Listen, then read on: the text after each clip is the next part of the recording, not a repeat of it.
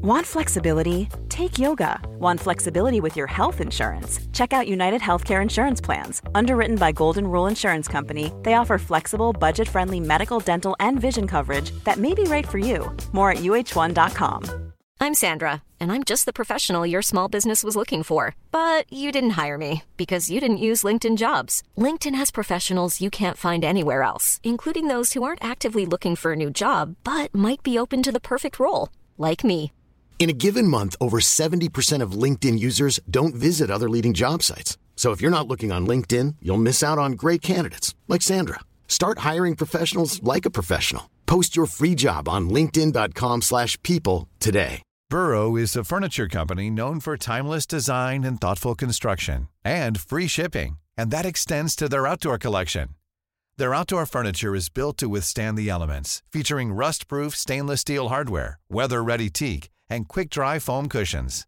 For Memorial Day, get 15% off your Burrow purchase at burrow.com slash ACAST and up to 25% off outdoor. That's up to 25% off outdoor furniture at burrow.com slash ACAST.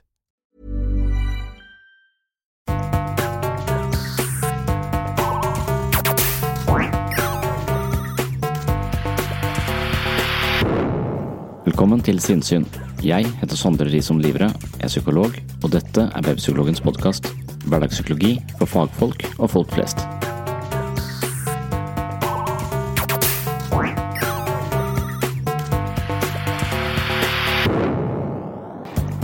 Schizofrenidagene er en stor happening innen psykisk helse. De beste fagfolkene fra hele landet og hele verden hentes inn til Stavanger, og publikum kan tilbringe flere dager på en slags psykologisk festival. I år skal schizofrenidagene handle om flokken. Det er et typisk Per Fugle-begrep, og det er vel ikke tilfeldig at arrangørene vil hedre Fugles minne i år. Per Fugle snakket mye om menneskers plass i ulike grupperinger. Det er også et av de temaene jeg synes er mest spennende innenfor psykologifaget. I dagens episode skal vi tilbake til Mandal. Det er siste time på fagdagen som handler om recovery, og denne timen snakker jeg nok en gang med Einarsmo om løst og fast, men mye av samtalen dreier seg nettopp om flokken. Jeg tenker at en god flokk er noe av det mest verdifulle aspektet ved et menneskeliv. I terapeutisk forstand tenker jeg også at en god flokk kan fungere helbredende, mens en dårlig flokk kan gjøre ellers mentalt friske mennesker syke. Flokken er potent på mange måter, og evnen til å forstå grupper og sin egen plass i ulike grupper kan være et viktig verktøy. De som følger sinnssyn, vet at jeg til daglig jobber ved en poliklinikk som heter DPS Solvang. Det er en del av Sørlandet sykehus. Jeg er teamleder ved Enhet for gruppepsykoterapi, og det betyr blant annet at jeg sitter i grupper hver eneste dag. Gruppeterapi er et spennende og utfordrende behandlingstilbud, og det handler altså om å forstå seg selv i relasjon til andre. Psykoterapi er på mange måter et slags detektivarbeid i menneskets psykiske liv, og dette er kanskje noe av det mest spennende ved jobben som terapeut. I gruppeterapi reagerer man på hverandre, for deretter å løfte blikket med den hensikt å undersøke hvorfor vi reagerte akkurat slik, hvilke mønster preger mine tanker, følelser og handlinger i møte med andre mennesker.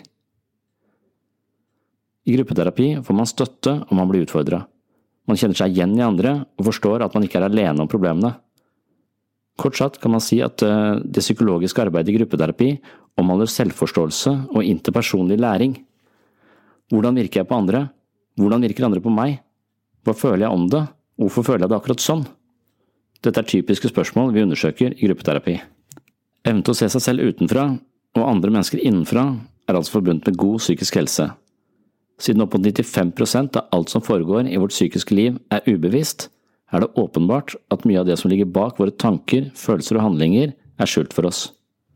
På sett og vis er vi stort sett uvitende om vår egen motivasjon i mange sammenhenger. Å bli bedre kjent med seg selv handler ofte om å se innover.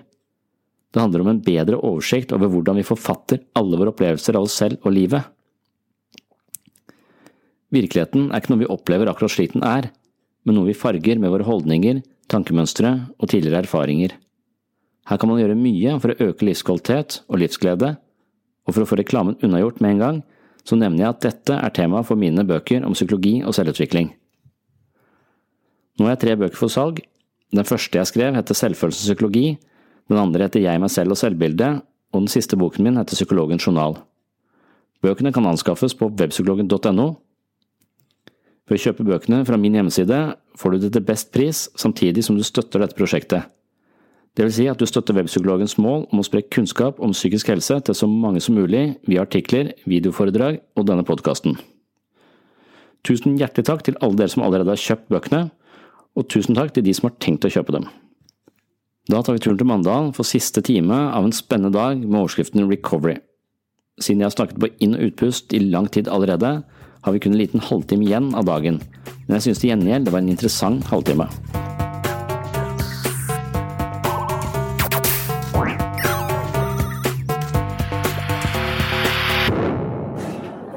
Ja vel, Sondre. Du har eh, Du har mye på hjertet. Det, det kommer ut uh, veldig mye og veldig mye interessant. Så det, av og til klarer jeg ikke helt å, å, å henge med. Nei. Jeg tenker oi, du jeg fatt i noe, så, men så var det over på noe annet Ja. som er, var like interessant. Så det var Mm. det, um, Det er, det er ikke ADHD, for at det har jeg. jeg eh, det har jeg ingenting av. Eh, Så jeg kan være eh, dypt inderlig konsentrert. Men ofte så føler jeg at jeg bør si så mye som mulig på kortest mulig tid. Ja. Og da, da, så det hadde vært bedre om jeg bare skulle si eh, mye om et lite tema. Eh, Men det, jeg, det, det er sånn nybegynnertabbe jeg gjør, som ikke lenger kan kalles en nybegynnertabbe, som bare er en tabbe jeg generelt sett gjør. Da. At jeg prøver å si så mye som mulig på kortest mulig tid. Og Det er derfor jeg liker dialogen bedre. For at det er lettere å dvele ved et tema i en, i en samtale om det. Enn at jeg bare skal hoppe, hoppe av sted eh, på ulike, til ulike ting. da. men jeg er jo veldig glad for at du har den tendensen, for så slipper jeg å si så mye her oppe. For så mye som vi har ikke på hjertet, eller det klarer jeg ikke å Men, eh, men det var veldig mye interessant. Jeg hadde tenkt på noe av det du sa, dette med eh, Hvis det er en kultur i en gruppe så, som ligger på et høyt eller et godt nivå, Ja. så, så vil mye medlemmer dra seg opp dit. Ja. Nå tenker jeg nok, så fikk jeg noe assosiasjon da i forhold Jeg merker jo når jeg er rundt på, på våre, mine avdelinger, så jeg synes det er ofte at jeg merker her var det en, en god atmosfære. Og Det handler selvfølgelig om ikke at du kommer inn død, det er måten du blir møtt på, tilsnakka, eh, respekt, omtanke. ja. Mm. Ja, absolutt. En slags magefølelse på en eh, stemning som er i en, eh, ja. en, en gruppe. Men akkurat når det er sagt, da, det der med at så, så Måten jeg uh, setter sammen grupper på, er at jeg, jeg må ta de pasientene som har rett til helsehjelp, som kommer. Men, men jeg passer på, så langt det lar seg gjøre, å alltid ha noen modne krefter da, i gruppa. Uh, og, og det betyr at jeg Av og til så er det mennesker som tenker De sier selv ja, nå er vel jeg egentlig ferdig. Så jeg nei, nei, nei. Nei, nei, du- Eh, Du må være et halvt år til. Eh, og, og grunnen til det er at de fungerer så godt, og de har så mye å gi de, i, i de gruppene, at jeg nekter å skrive de, eh, skrive de ut. Eh, så da blir det sånn der eh, kukusnest omtrent. Ja, ja, ja. Nei, nei, du tror det er frisk, men det er du ikke. Så du må bare, eh, bare fortsette. Eh, så, så for noen så er det veldig vanskelig å komme inn, for andre så er det veldig vanskelig å komme ut igjen. Men hvis det er vanskelig å komme ut igjen, så er det fordi at du fungerer for bra, så vi vil ha deg der. Eh, vi gjør selvfølgelig ikke det, men, men jeg prøver å ha, uh, ha modne elementer som kan på en måte løfte, og så prøver jeg også å fremstå selv på denne måten jeg tror jeg er ikke opptatt av å fortelle private ting om livet mitt, men jeg er opptatt av å være personlig. Eller, eller jeg tror det er forskjell på å være privat og personlig. Jeg tror man kan være personlig og oppriktig uten å fortelle hemmeligheter fra sitt eget liv. på en måte. Så at, og at det er en slags kunst i møte med andre mennesker. og Hvis du får det til, så vil grupper på en måte eh, Ja, det vil være en, en, et sted hvor folk tør å si noe. Og innimellom så har vi, og det er ikke min, det er for, på grunn av de modne kreftene i gruppa, så kan vi ha grupper på 20, 20 stykker hvor alle kommer til å si noe på et eller annet tidspunkt. Kanskje ikke i det samme møte, men folk som nesten aldri har sagt noe i en klassesetting eller en eller annen sånn eh, forsamling av mennesker, kommer til å si noe, eh, si noe der inne. Og det er nok fordi at de, de opplever denne åpenheten og, eh, og romsligheten som vi må ha for at denne gruppa skal eh, kunne fungere. Og den samme åpenheten og romsligheten må vi ha i psykoterapigruppene for at folk skal tørre å være der. For det er jo litt skumlere å bli på en måte måtte se på seg selv. Og da skal du være ganske trygg for å våge den prosessen der og se på disse ja, gå ned i helvete for å vokse inn i himmelen, på en måte. Eh, som er eh, og, og- når man setter sammen grupper, hvis grupper er en sånn eh, mulighet for dere, så er det også viktig å aldri putte mennesker som skiller seg vesentlig sett fra de andre i gruppa. Altså, og det vil si at Hvis du har en gruppe med bare damer, ikke putt inn én mann. Uh, det, det, er ikke det verste du gjør. det er denne settingen. eller hvis du har en gruppe med bare 20-åringer, ikke putte inn en som er 45 passe på at den på 45 er en annen på 45. Eller i, i det aspektet så, så, man bør ha i en gruppe på en, rundt ti mennesker, så bør man ha en annen person som ligner deg på en eller annen måte. Uh, så vi har f.eks. ikke aktive rusmisbrukere i gruppa. Uh, for eksempel. vi kan heller ikke ha folk som har aktive psykoser i gruppa. For hvis du plutselig kommer i en gruppe som selv fungerer veldig bra, men du ikke klarer å koble deg på, så vil du føle deg så ekstremt annerledes utenfor. Du vil bare få en ny erfaring på at jeg passer ikke inn, jeg henger ikke sammen med andre, jeg har ikke noe, jeg vibrerer ikke på en måte, jeg går ikke i samme takt da, som andre mennesker. Du vil få en ny sånn følelse av å være nesten enda mer ensomt å være ensom i en gruppe enn å være det hjemme hos seg sjøl, aleine, på en måte. Så, så man skal passe på at man ikke ikke putter noen inn som på en måte ikke har noen andre de kan identifisere seg med. Da. Eh, så Det er også en sånn viktig ting ved, gruppe, ved, en gruppe. Men når de er kommet inn, da? For det hender jo at en, hva skal jeg si, nåløyet ikke var så trangt, så de kom inn likevel. Eller har de vært heldige med å klart å styre unna de Nei, Nå sitter jeg med et kjempeproblem akkurat nå. for Nå har jeg en jente uh, som er 18 år, uh, uh, som jeg bare har møtt et par ganger. og Jeg klarer ikke helt å avgjøre om hun vil om gruppa vil være her og vil bli dratt opp dit, for hun er så ung. Og gruppa, sitt, eh, gruppa ligger på en sånn 35-40 år. Mens jeg har en annen gruppe som er på hennes uh, aldersgruppe, men de er der tre hele dager i uka. Men hun går på skole, så jeg kan ikke ta henne ut av skole og inn i psykiatrisk avdeling. Det vil være direkte skadelig. Så, så, jeg, så jeg trenger å finne Tør jeg å sette henne inn i denne gruppa som er litt eldre enn henne? Har hun da det potensialet til å vokse, eller vil hun føle seg annerledes utenfor og dum i verste fall? da? Mm. Uh, fordi at de da har mer erfaring, snakker på et annet uh, nivå? Eller hun såpass, er hun såpass åpen og såpass stort potensial at hun vil kunne vokse uh, i det? Jeg heller mot at hun har potensial, og så, og så, da, da, det er litt risky. Det kan jeg aldri vite. Og det hjelper mm. meg ikke å stille henne 100 spørsmål fra et skjema heller, for å finne ut av det. Ja. Du sier det er direkte skadelig å ta ut av skolen. Er dette snakk om lang, over lang tid? Er det snakk om at de skal være i den At man tenker er ikke det bedre at den, den jenta tar pusterommet og være med likesinnede eller likealdrende, og så bli løfta på den måten? Kan være skolen ikke setter på spissen. Kan være skolen ikke funker for henne. At det er kanskje det hun trenger å komme seg vekk ifra. Å være sammen med andre. Ja ja. Jeg syns den der kvadranten nederst til høyre, da, den samfunnet, liksom, livet, der livet skal leves, det å være en del av et fellesskap, det å klare jobb, skole osv., er en sånn vesentlig del av, av, av, det å være et menneske. Og, veldig, og Det er veldig lett for oss å kunne intervenere i alle kvadrantene, men der nede er vi ikke så gode. Så hvis du først på en måte så det å få folk ut i jobb og få de til å leve et liv der de faktisk skal leve livet Man kan si at det er først, først behandling og så livet, men det tror jeg bør gå i eh, parallelt. Så jeg er veldig skeptisk til å ta folk ut av Bare det der faktum at hvis du, hvis du slutter i jobben din og er borte fra jobb i to måneder, så er sjansen for at du kommer tilbake igjen liksom under 80 liksom, det er 80 av de blir værende sykemeldte, liksom, og de kommer ikke tilbake igjen. Så det er et eller annet med det der også fjerne folk fra livet. Jeg er veldig, veldig for at folk bør Hvis det fungerer på et eller annet område i livet, så, så må vi prøve heller bare intervenere på siden, sånn at de kan fortsette den fungeringa i livet sitt. da. Eh, så, så, vi har der nede så har vi også jobbkonsulenter som nå jobber tettere på oss. altså Nav har vært et, uh, vanskelig for oss. altså Vi er vanskelig å få tak i, Nav er vanskelig å få tak i. Uh, og det å da hjelpe folk i jobb det, har vært liksom, det, er disse telefonene, det er for langt mellom oss og Nav. da, og Så blir, blir personen ofte da hengende litt, litt imellom. Mens nå har vi det som heter jobb, jobbmesteren oppfølging, som er folk som på en måte er ansatt i Nav og hos oss og som spiser lunsj sammen med oss, og som kjenner folka som vi har i vårt psykologiske universitet, sånn som vi kjenner de, og vet hvordan frykten dukker opp, hvor smertefullt det er for de å endre denne, men de kan da tolke den smerten på en korrekt måte sammen med denne jobbspesialisten, for den kjenner språket vi har, og vi har språket til jobbspesialisten.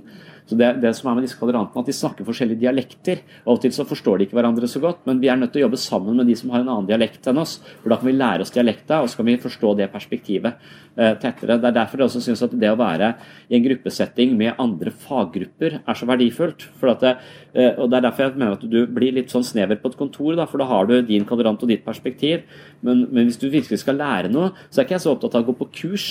Eh, fetteren til Gunvor Launes eh, eh, Gunvor Launes er veldig annerledes enn meg. Hun er en terapeut med veldig høy stjerne. Hun er veldig god på OCD og tvangsbehandling. Hun har en retorikk, hun er utrolig flink til å snakke. Hun har et perspektiv på, på en spesiell type lidelse som jeg ikke har, og hun har en måte å være på som jeg heller ikke har. Så, så for å lære noe av henne, så kan jeg godt gå på et kurs med henne. Men jeg kan også jobbe sammen med henne og være sammen med de samme menneskene i behandlingssituasjonen sammen med henne. Og da forstår jeg, da, da, kan jeg på en måte bli litt som henne. Jeg kan ta det jeg liker ved henne og prøve å være litt sånn som det. Eh, så, så, det å jobbe bare på tvers og jobbe sammen med folk som tenker annerledes enn deg sjøl, syns jeg er viktig. Og det kan du få til i sånne grupper, uh, grupper også, istedenfor å gå på kurs. For å gå på kurs da får du liksom informasjon, men hvis du jobber tett på noen, så skjønner du uh, da, eier du det litt mer. da. Så Det syns jeg er fordelen med, fordelen med biblioterapi. og det der hvor vi leser en artikkel hver dag, at vi tvinges til å tenke nye perspektiver om psykisk helse, hele tiden. For jeg ser på meg selv som en slags teoretisk pasifist. Egentlig så betyr det bare at jeg er litt dum. Hver gang jeg leser en ny bok, så tror jeg på den. Eh, eh, så hver gang jeg leser noe nytt, så tenker jeg ja, det var en smart måte å se det på. Men det er helt motsatt av den måten du leste i forrige uh, uke. Men da må jeg finne hvordan skal det, de to tingene henge sammen. da.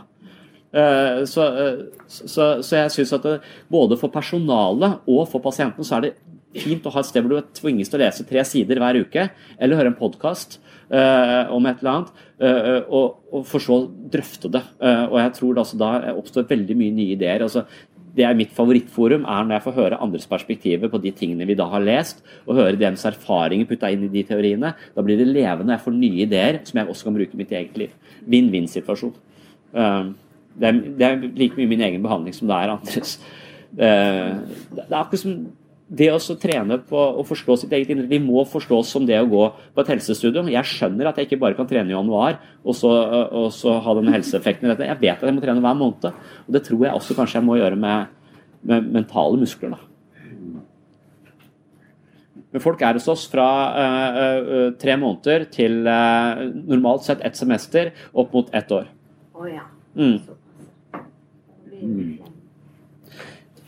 Ja, det, er ofte et type semester, men, men, noen kan gå i bare én time i uka.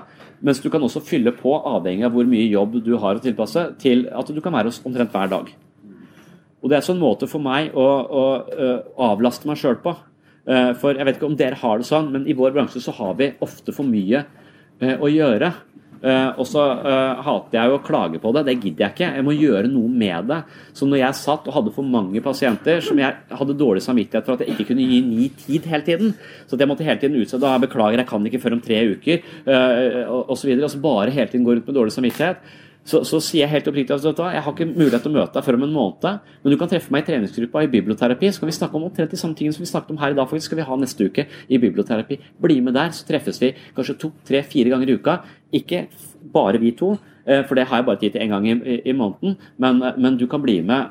Har du tid, så bli med oss hele uka på en måte og bli kjent med oss. Være en del av uh, denne, denne flokken.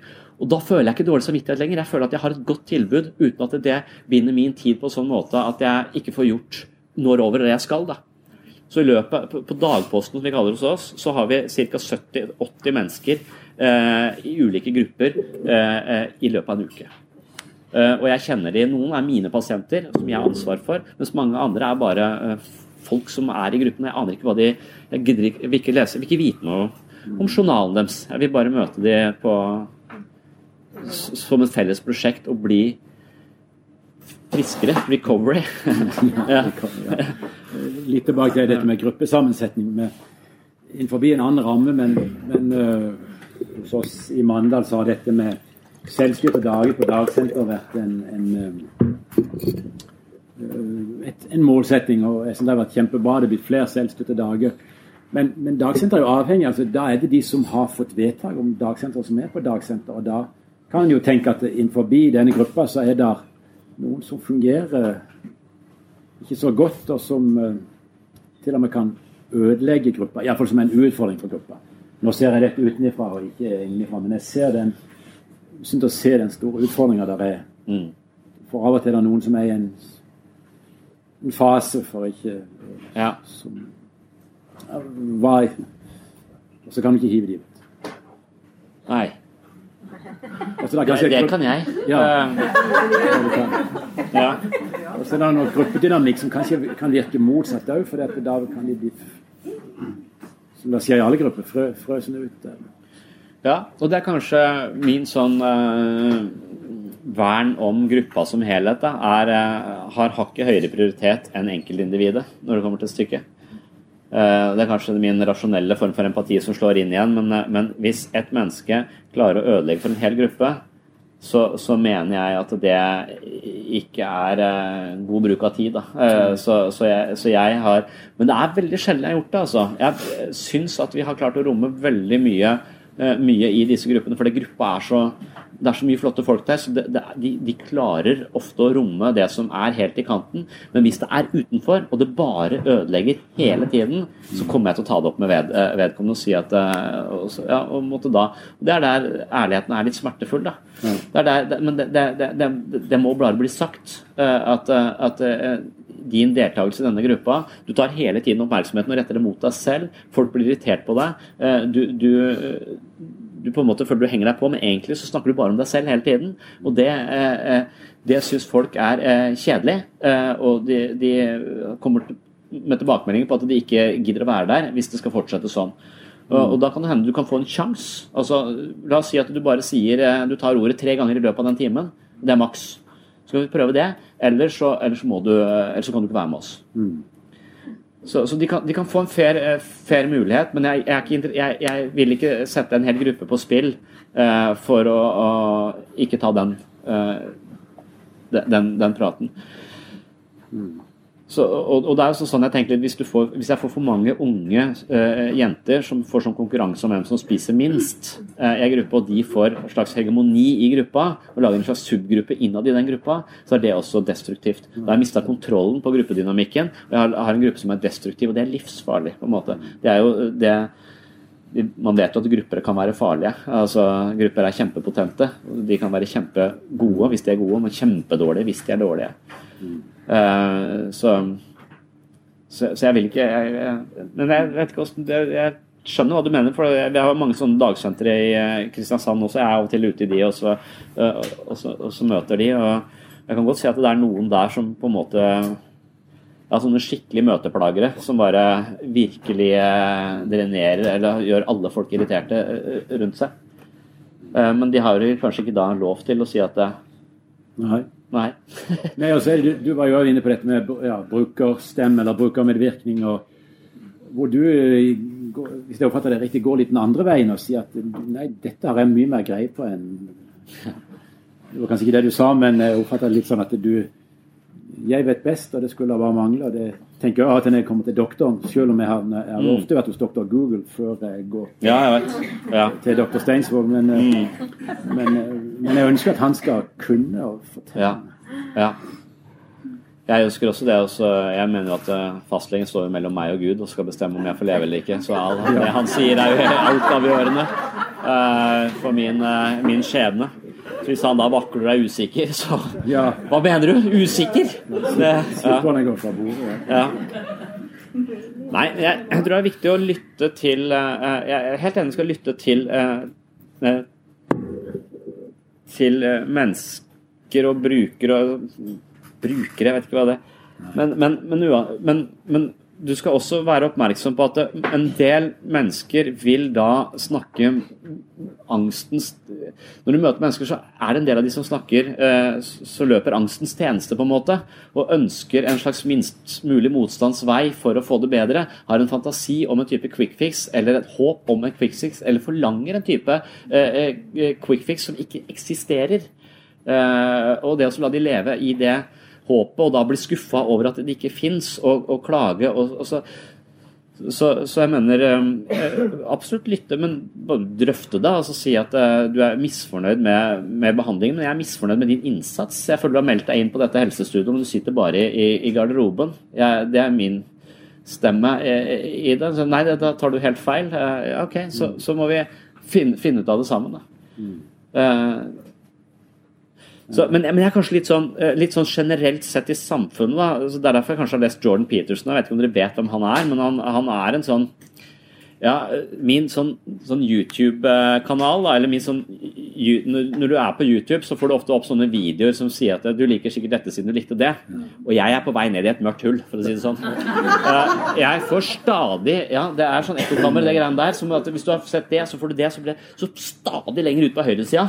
Uh, og jeg, jeg, jeg assosierer meg selv på sånn, hvert fall midt i politikken eller venstre side, men nå er jeg bare langt ut på høyre, ned i et mørkt hull. Det er litt sånn Jordan Peterson uh, sin, sin, skyld.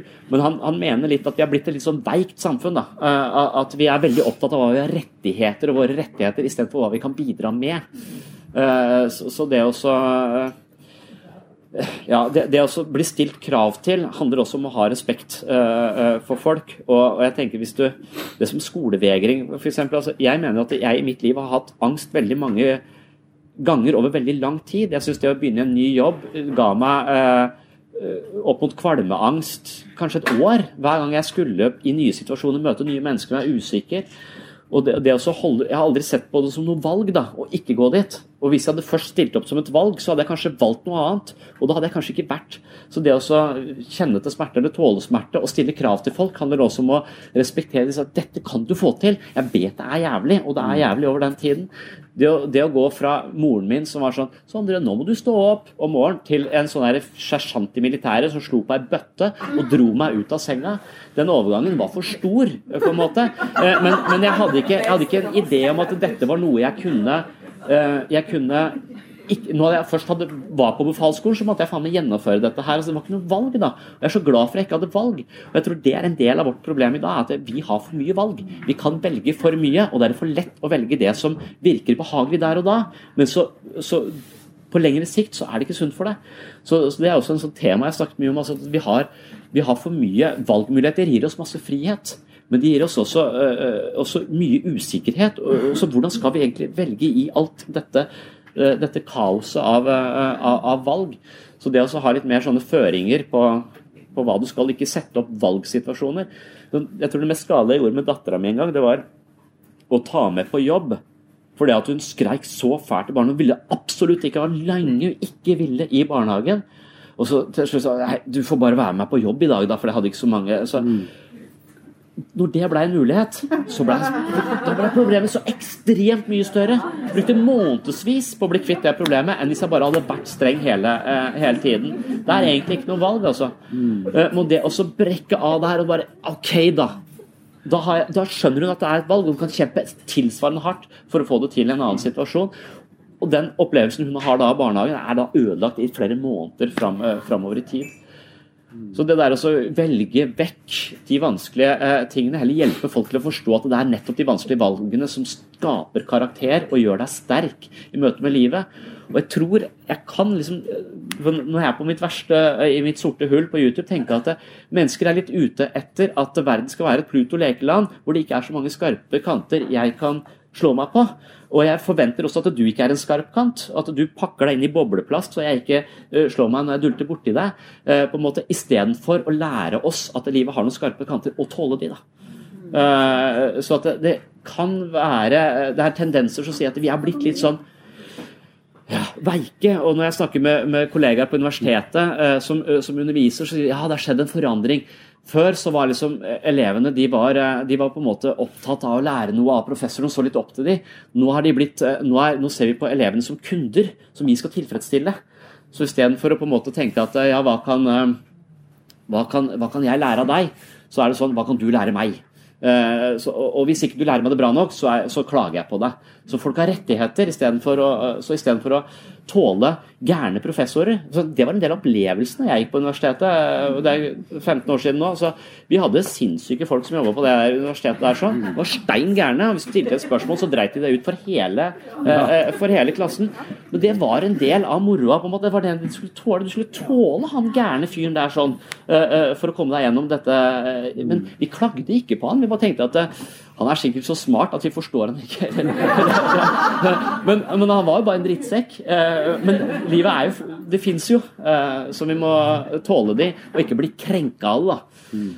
Så metoo er en fin ting, men, men men ikke bli for mye sånn krenkelsesgreier. Det er i mitt svarte hull på YouTube. Ja.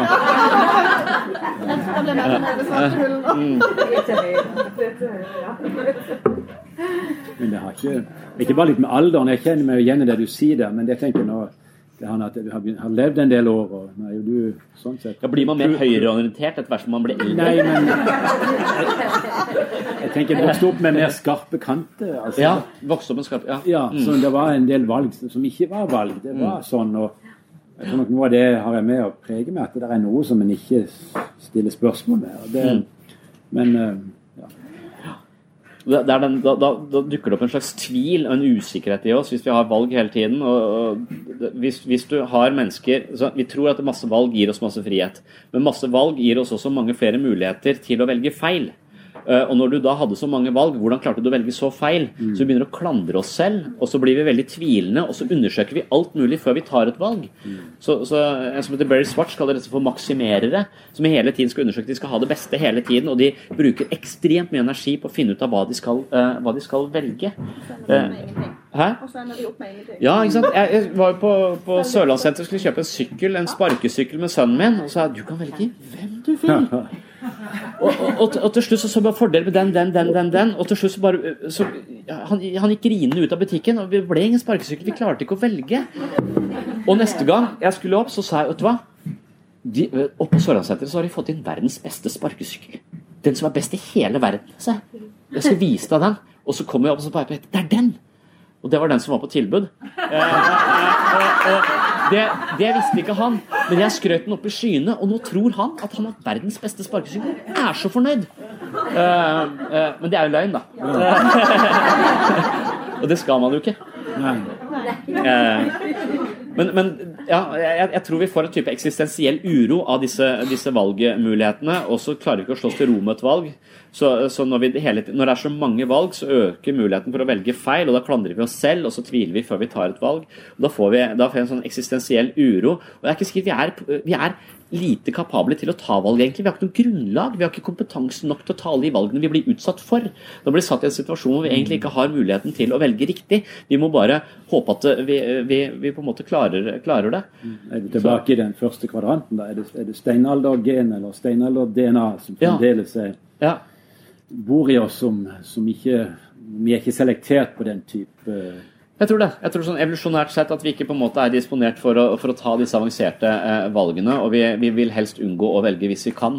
Og det er jo denne, Hvis du ser på organdonasjon i Europa, så er det sånn som i Jeg husker ikke hvilket land, men, eh, men Nederland husker jeg har 28 er organdonorer. Og så har du en sånn type Danmark eh, har eh, 4% mens Sverige har 90 Og så, så Det er ikke sånn at det, det, er, det, er, kun ett land som ligger midt på med 28% men ellers så er landet har enten 0% eller 100% omtrent. Så Enten så er alle organdonorer, eller så er ingen det. Men også når man undersøker hvorfor det, det er fordi at det, i disse landene så har de ikke gitt folk Eller de har gitt folk Du skal krysse av på om du vil være med i programmet, eller krysse av hvis du ikke vil være med i programmet. Og de der som da har denne kryss av hvis du ikke vil være med i organdonorprogrammet, vi krysser ikke av. Vi aner ikke hva vi skal gjøre med våre egne organer etter vi er daue. Det er en utrolig vanskelig hva, hva, trenger jeg de når jeg er død? Jeg vet ikke, det kommer an på hva jeg tror. Så, så det å krysse av i den boksen, det gjør vi ikke. Så vi tar det som er default, da. det som er det som står der fra før. Det velger vi, for vi orker vi, vi har ikke kompetente til å velge hva som skal skje med våre egne organer når vi er døde. Eh, Så derfor, eller vi, vi klarer ikke å ta det valget. Derfor så lar vi bare den boksen stå. Og da blir vi enten organdonor eller ikke, avhengig av hvordan den formuleringen er i den boksen.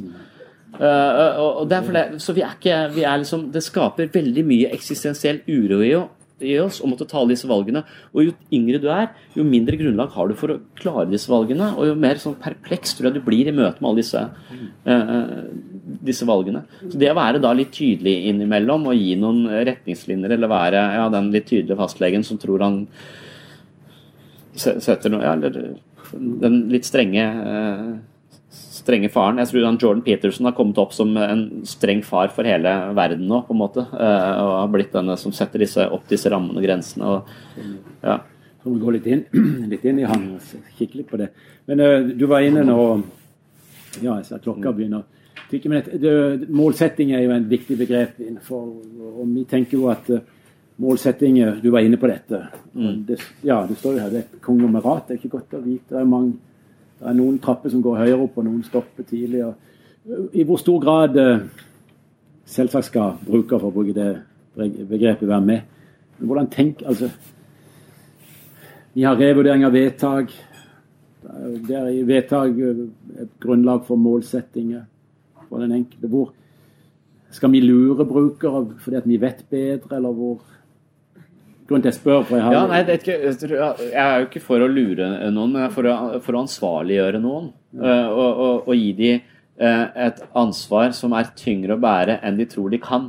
Ja. Og hvis de klarer å bære det. Så jeg tror at det, uh, meningen med livet og og ansvar du tar i ditt eget liv, er liksom, det hører sammen. Så Jo mer ansvar du klarer å ta i ditt eget liv, jo mer mening vil livet ditt få. Og jo mindre ansvar, jo mer du viker unna og tar lette, minste motstands vei, jo, jo, mer blir livet ditt drenert for, uh, for mening. da. Ja. Så uh, Det er sånn, sånn typisk sånn Jordan Peterson-ting. altså Stand up with your shoulders, eller stand up straight with your shoulders back. Altså, han har sånne Eh, sånne slagord. da så, som, Og så drar han veksel på, på mye sånn Han leser Bibelen på nytt, f.eks., på en merkelig måte, men, men han har denne ideen om at livet er fullt av faenskap, og det å takle, eh, tåle faenskap og, og, stå i det og leve det og leve forbi det, det er en del av det å være menneske, og det er ikke psykisk lidelse. Det er nok en del av den sorteringa jeg gjør i inntaksteamet. er at det er veldig mange altså det, som Per Fugli kaller nullvisjonen, at vi har en sånn idé om, eller kalte når han ledde, uh, om, om, at, at det, vi har utviklet en kultur som, som, tenker at livet skal gå på skinner, nærmest. og at vi har en sånn, Kanskje vi sammenligner oss veldig masse i sosiale medier og ser hvor bra det går med andre. Så vi har en sånn forventning om at livet skal være eh, uten problemer. Og hvis vi da får problemer eller har det vanskelig, så vil vi kalle det psykisk lidelse. Mm. Eh, og og altfor mange, kanskje, mener jeg, unge mennesker kommer inn på psykiatrisk poliklinikk og får en identitet i en diagnose som egentlig bare er en, et utviklings det er en del av utviklingen. Er, å være ung er for jævlig. Du har ikke prefrontal cortex, er ikke ferdig utvikla. Det å føle seg opp og ned og ha lyst til å dø den ene uh, uka og være kjempefornøyd den andre uka, det er sånn det er. Sånn var det for meg å være uh, være ung. Altså, jeg, jeg, kvalifiserte for emosjonelt ustabil personlighetsforstyrrelse frem til jeg var uh, godt opp i 20-åra. Uh, og jeg gjør det kanskje enda til en viss, til en viss grad, avhengig av hvilken behandler som diagnostiserer meg. men, så ja, så det å tåle, eller det å tenke at livet er vi, vi, jeg tror ofte, vi har en sånn opprydningsjobb å gjøre i psykisk helsevern. mye av det, det I hvert fall når jeg jobba i ABUP, så handlet det om å si at det, men, dette, er ikke, dette, er ikke, unormalt. Dette er en del av normalvariasjonen. Ikke kall det psykisk lidelse, eh, for da kan det bli det. Den merkelappen du setter på der, kan på en måte sementere dette og bli til noe mye større enn det egentlig, egentlig trenger å være. Mm. Så det å så på en måte akseptere at livet er fullt av uh, sorg og motgang, men også gleder. Også det det å akseptere livet som liv og ikke se på det som psykisk lidelse, eh, det, det tror jeg er ganske, ganske viktig. Eh, Min nevø mm. hadde en veldig fin måte å si det på når han var liten. Når ja. han ramla. Da han ramla og sto seg, så sa han ja ja, opp igjen. Godt i morgen. Ja. Det kommer en ny dag i morgen. Ja. Er noe med det der var liksom um, Ikke dra deg ned. Ja. Uh, det blir ikke noe bedre for når du sitter der og griner, liksom. Nei. Reis deg, og så går vi mm. videre, og så blir det greit igjen. Ja. Eller da kommer noen nye ting du må ta tak i. Mm, mm. Det, det, er nesten så er, jeg synes Dette var veldig spennende. så det forgat å kutte av, Men jeg syns dette var liksom en sånn fin måte å ja. ta bakken på, det siste mm. som, som, blir sagt her. Så, så øh, Dermed Sondre, har jeg lyst til å takke dere. Jeg er veldig glad for at vi at til tross, Jeg må si at når jeg, jeg fikk en, en mail uh, 24. april eller et eller annet. Og så jeg, når jeg, som jeg kjenner til, så kommer mailen opp i høyre hjørne. Vi skulle jobbe med noe annet. og så Det var noe viktig å jobbe med. og Så kom det opp en mail om at en recovery det er ikke min bransje, eller et eller annet, så det må dere finne noen andre. Du skrev ikke helt sånn. Ja, men det var litt det jeg tenkte. Ja. det var det jeg tenkte. Ja, det vil jeg ikke si høyt, det jeg tenkte. Men, men, eh, men, i alle fall jeg er veldig glad for at det ble som det ble. Og jeg opplever at dette har vært en flott dag. Og det har vært veldig spennende å høre på det. Og jeg tror vi kan ta med oss mye av dette i det videre arbeidet, òg i det videre arbeidet i, i nye Lindesnes. Så, så dette Tusen takk så jeg, må si, jeg var jo redd for å ikke kunne gi det du ville ha.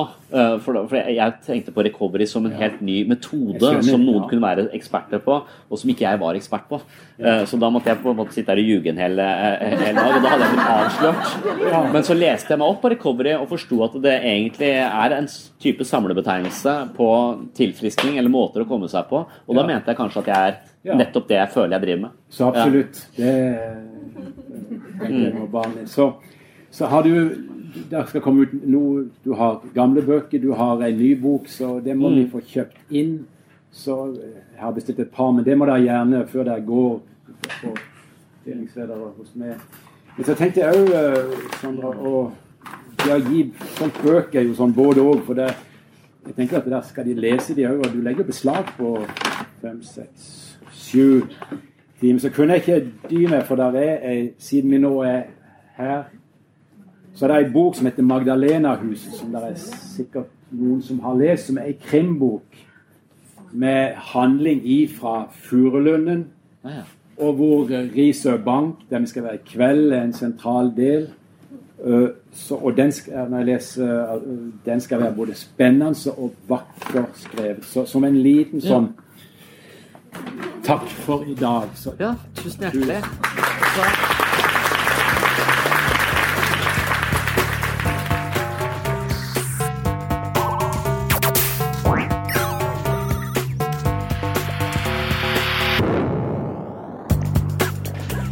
Hvis du liker podkasten, håper jeg at du rater den i iTunes. Det er annet tilbakemeldinger i iTunes som sørger for at sinnssyn blir sett og plukket opp av flere folk. Målet vårt er å spre kunnskap og interesse for menneskets indre liv i et filosofisk eller psykologisk perspektiv til så mange som mulig. Du kan hjelpe oss ved å anbefale podden til folk du kjenner, dele den i sosiale medier, eller gi den stjerner og kommentarer i iTunes.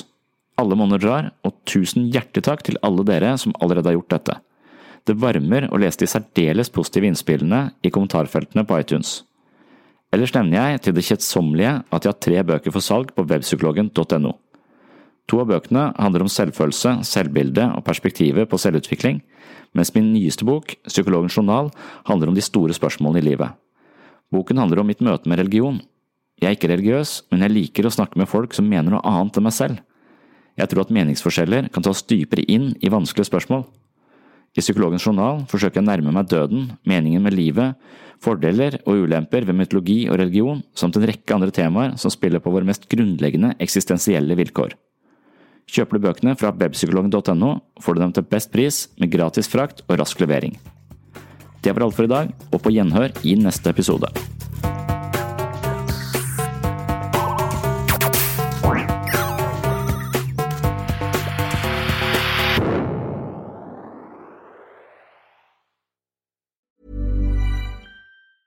Hey, it's Danny Pellegrino from Everything Iconic.